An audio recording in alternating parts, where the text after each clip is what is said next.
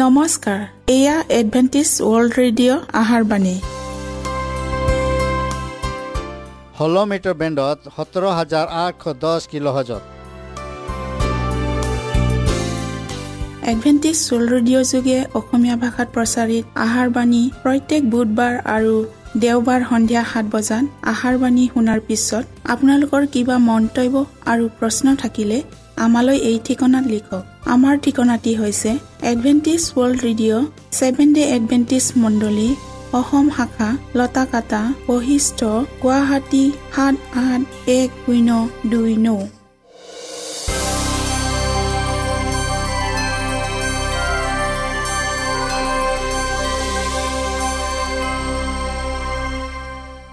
প্ৰিয় শ্ৰোতা বন্ধুসকল এতিয়া শুনো আহক এটি খ্ৰীষ্টীয় ধৰ্মীয় গীত।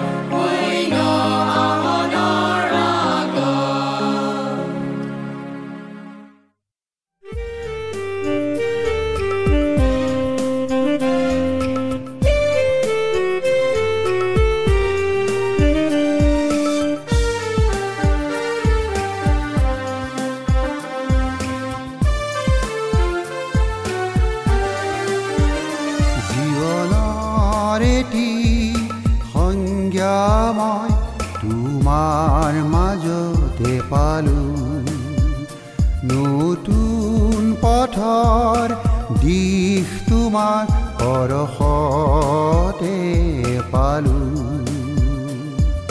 তুমিয়ে মোৰ প্ৰিয় প্ৰভু তুমিয়ে মোৰ প্ৰাণনা তুমিয়ে মোৰ প্ৰিয় প্ৰভু তুমিয়ে মোৰ প্ৰাণনা ৰিক্ত জীৱনত মোৰ আশাৰ পুচ স্তৰত মোৰ আশাৰ পুষ্পৰ জীৱনৰ এটি সংজ্ঞা মই তোমাৰ মাজতে পালোঁ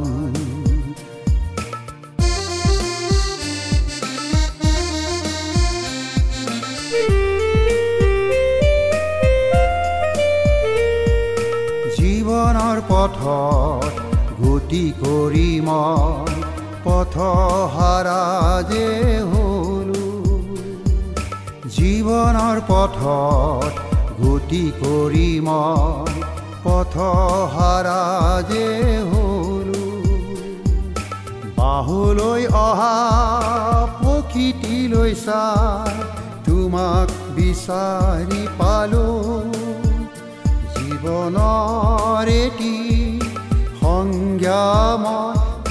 তোমাৰ মাজতে পালো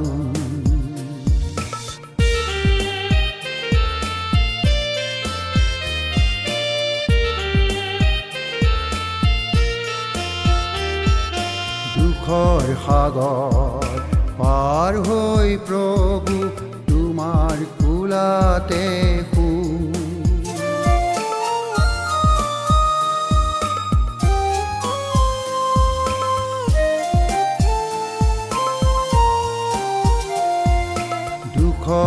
শু দুখৰ সাগৰ পাৰ হৈ প্ৰভু তোমাৰ কোলাতে শু আকাশৰ নীলিম বুকুৰ সিপাৰে গৈ তাতে বিশ্ৰাম আকাশৰ নীলিম বুকুৰ সিপাৰে গৈ তাতে নম বিশ্ৰাম দূৰ কৰা মোৰ অমানিশা তমসাৰ বন্যা আঁতৰা নয়নে দেখে যে উজ্জ্বল সি পুৱা উজ্জ্বল সি পুৱা জীৱনৰ এটি সংজ্ঞা মই তোমাৰ মাজতে পালো। নতুন পথৰ দিশ তোমাৰ পৰশতে পালোঁ।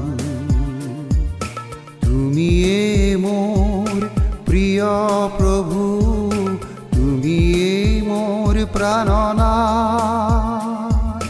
তুমিয়ে মোৰ প্ৰিয় প্ৰভু তুমিয়ে মোৰ প্ৰাণনা। জীৱনত মোৰ আশাৰ পুষ্পৰত মোৰ আশাৰ পুষ্পৰত জীৱনৰ এটি সংজ্ঞা মই তোমাৰ মাজতে পালো তোমাৰ মাজতে পালো তোমাৰ মাজতে পালো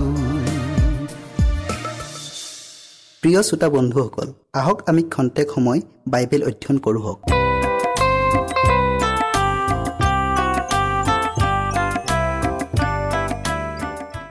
আজিৰ আমাৰ বিষয়টি হ'ল যুৱক যুৱতীসকল ঈশ্বৰৰ সঁজুলি।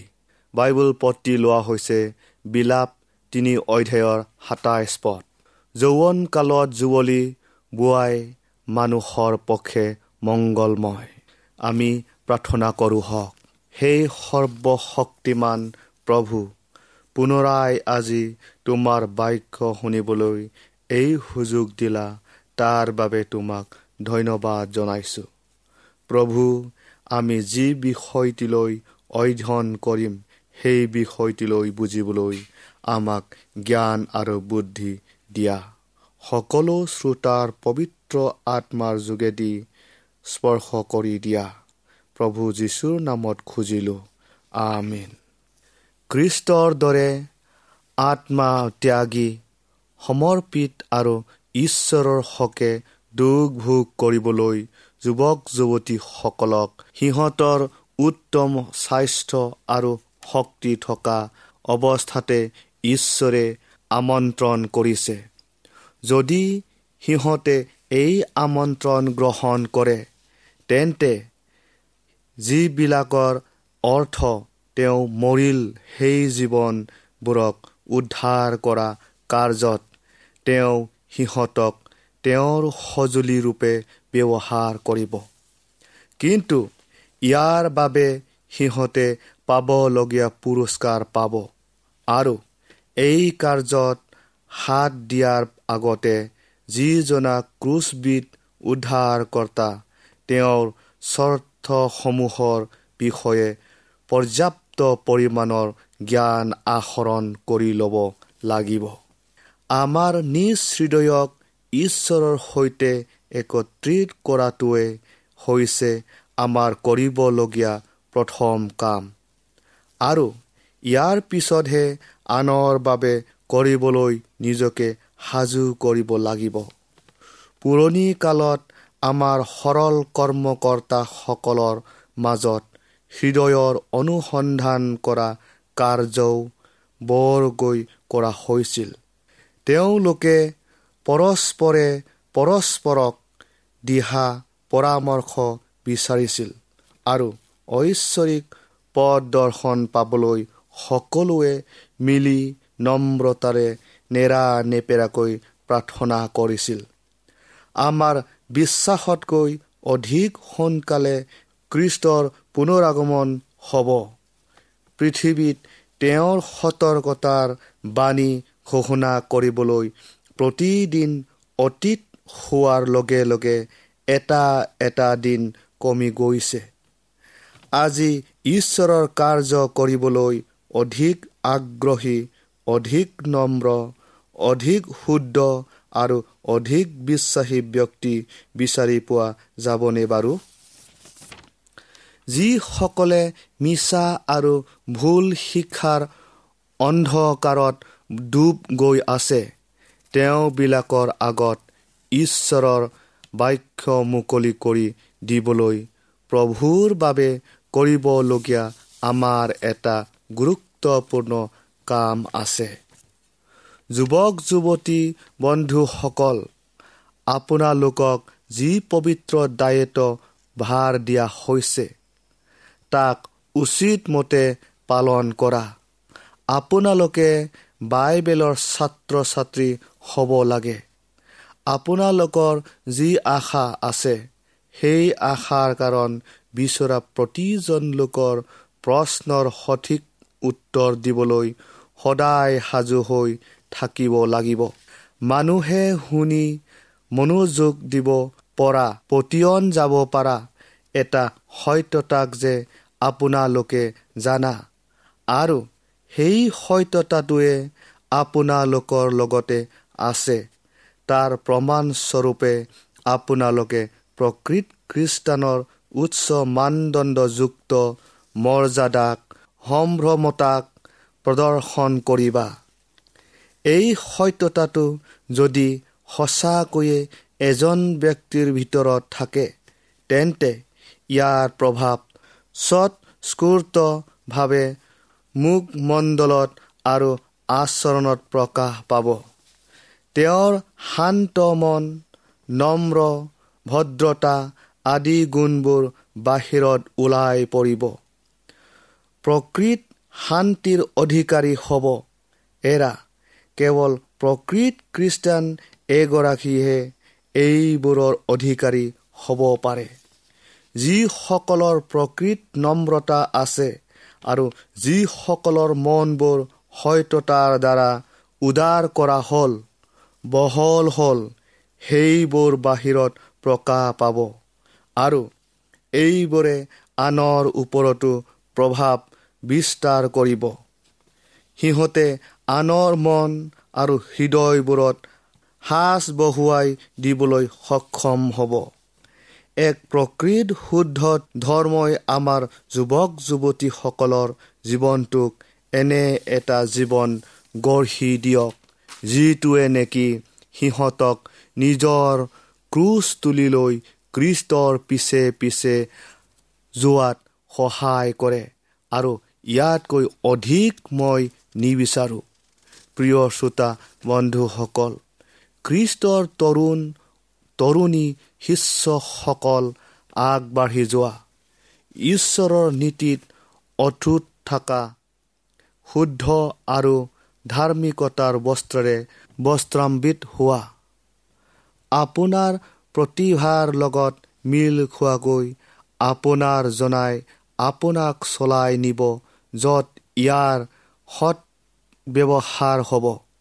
আপোনাৰ কৰ্তব্যৰ পথত আপোনাৰ আৱশ্যকীয় শক্তি অনুগ্ৰহখিনিক পাম বুলি নিশ্চিত থাকা।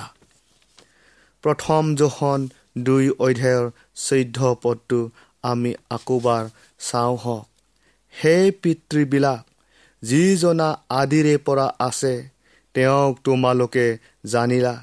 এইকাৰণে তোমালোকলৈ লিখিলোঁ সেই ডেকাবিলাক তোমালোক বলৱন্ত আৰু ঈশ্বৰৰ বাক্য তোমালোকৰ অন্তৰত থাকে আৰু তোমালোকে পাপ আত্মাক জয় কৰিলা।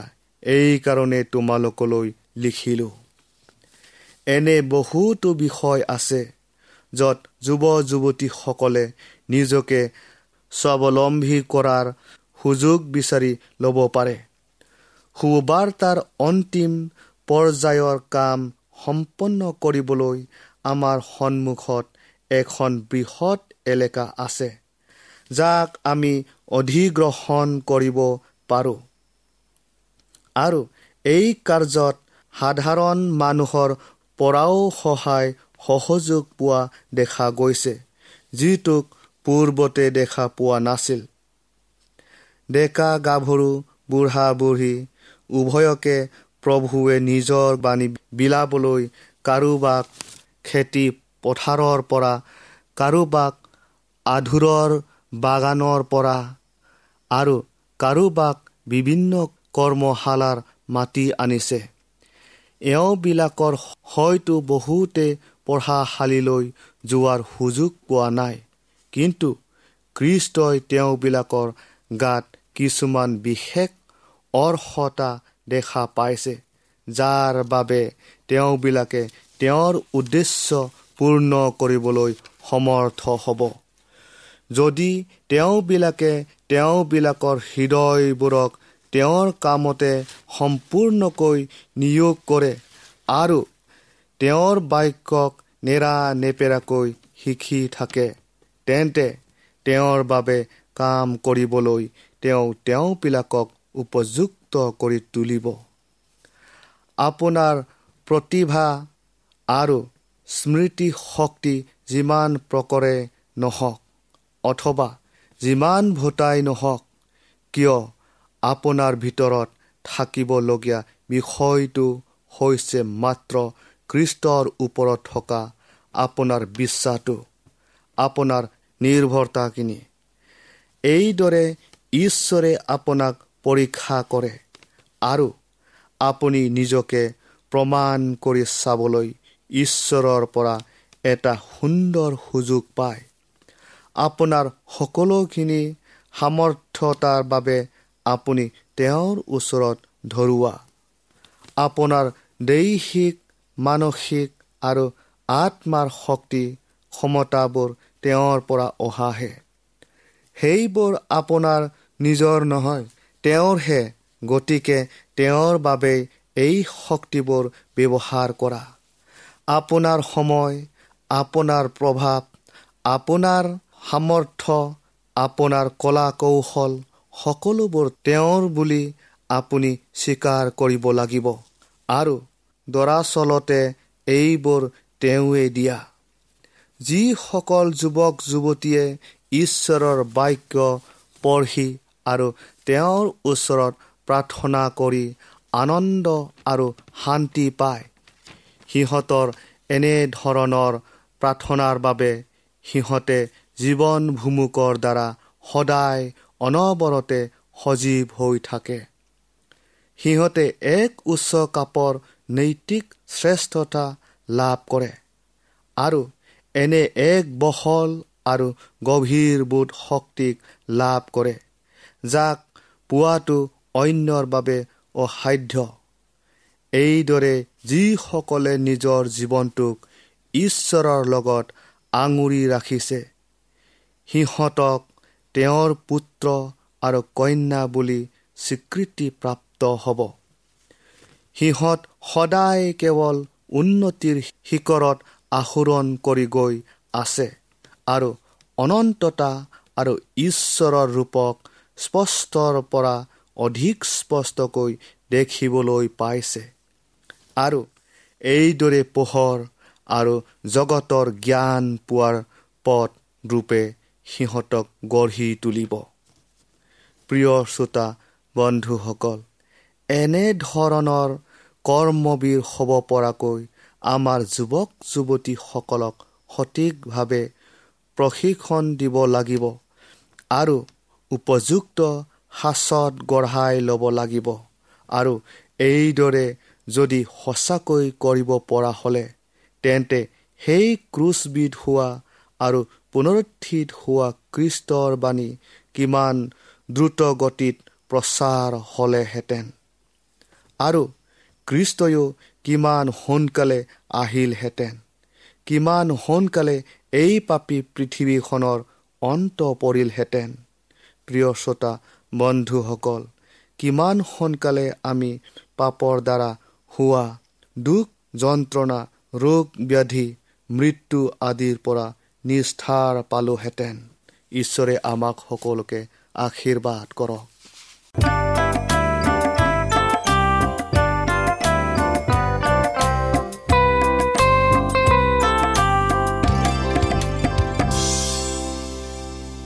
ইমানপৰে আমি বাইবেল অধ্যয়ন কৰিলোঁ। এতিয়া আকৌ শুনো আহক এটি খ্ৰীষ্টীয় ধৰ্মীয় গীত।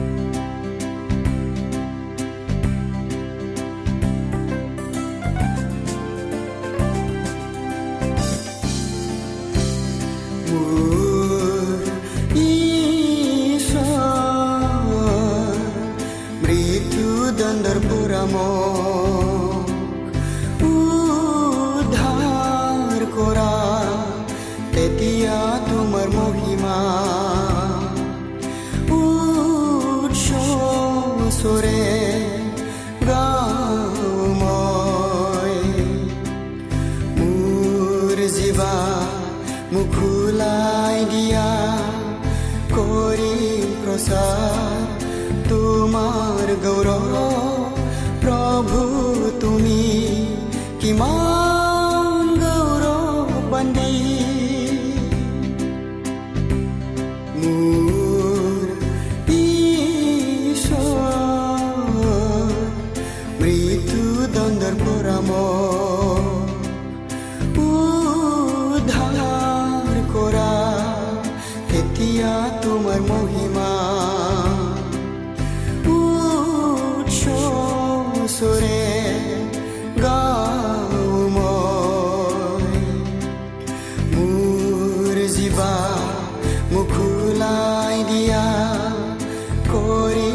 প্ৰচাৰ তোমাৰ গৌৰৱ প্ৰভু তুমি কিমান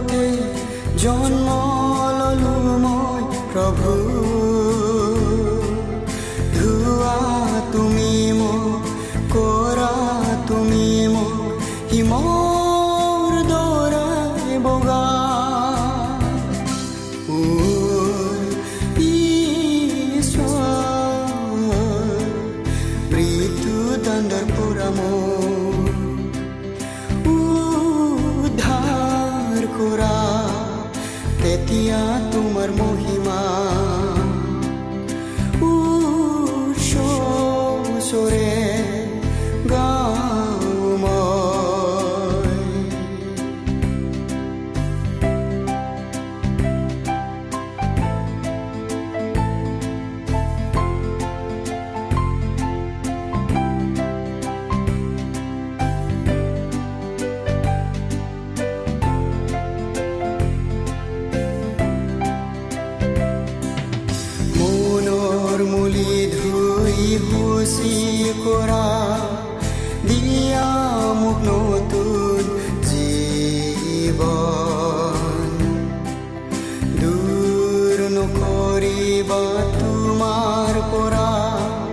দেখুৱা মই আজ্ঞা লংঘ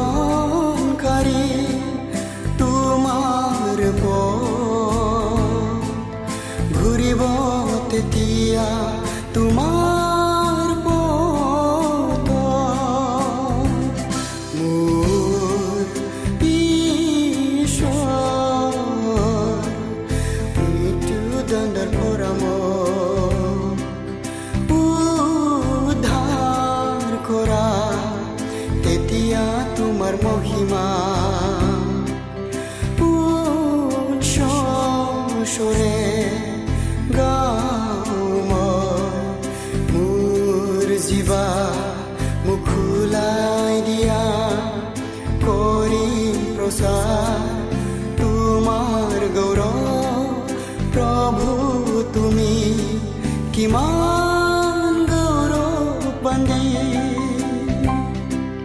প্ৰভু তুমি কিমান গৌৰৱ মনত ৰাখিব আমাৰ ঠিকনাটি পুনৰ কৈ দিছোঁ।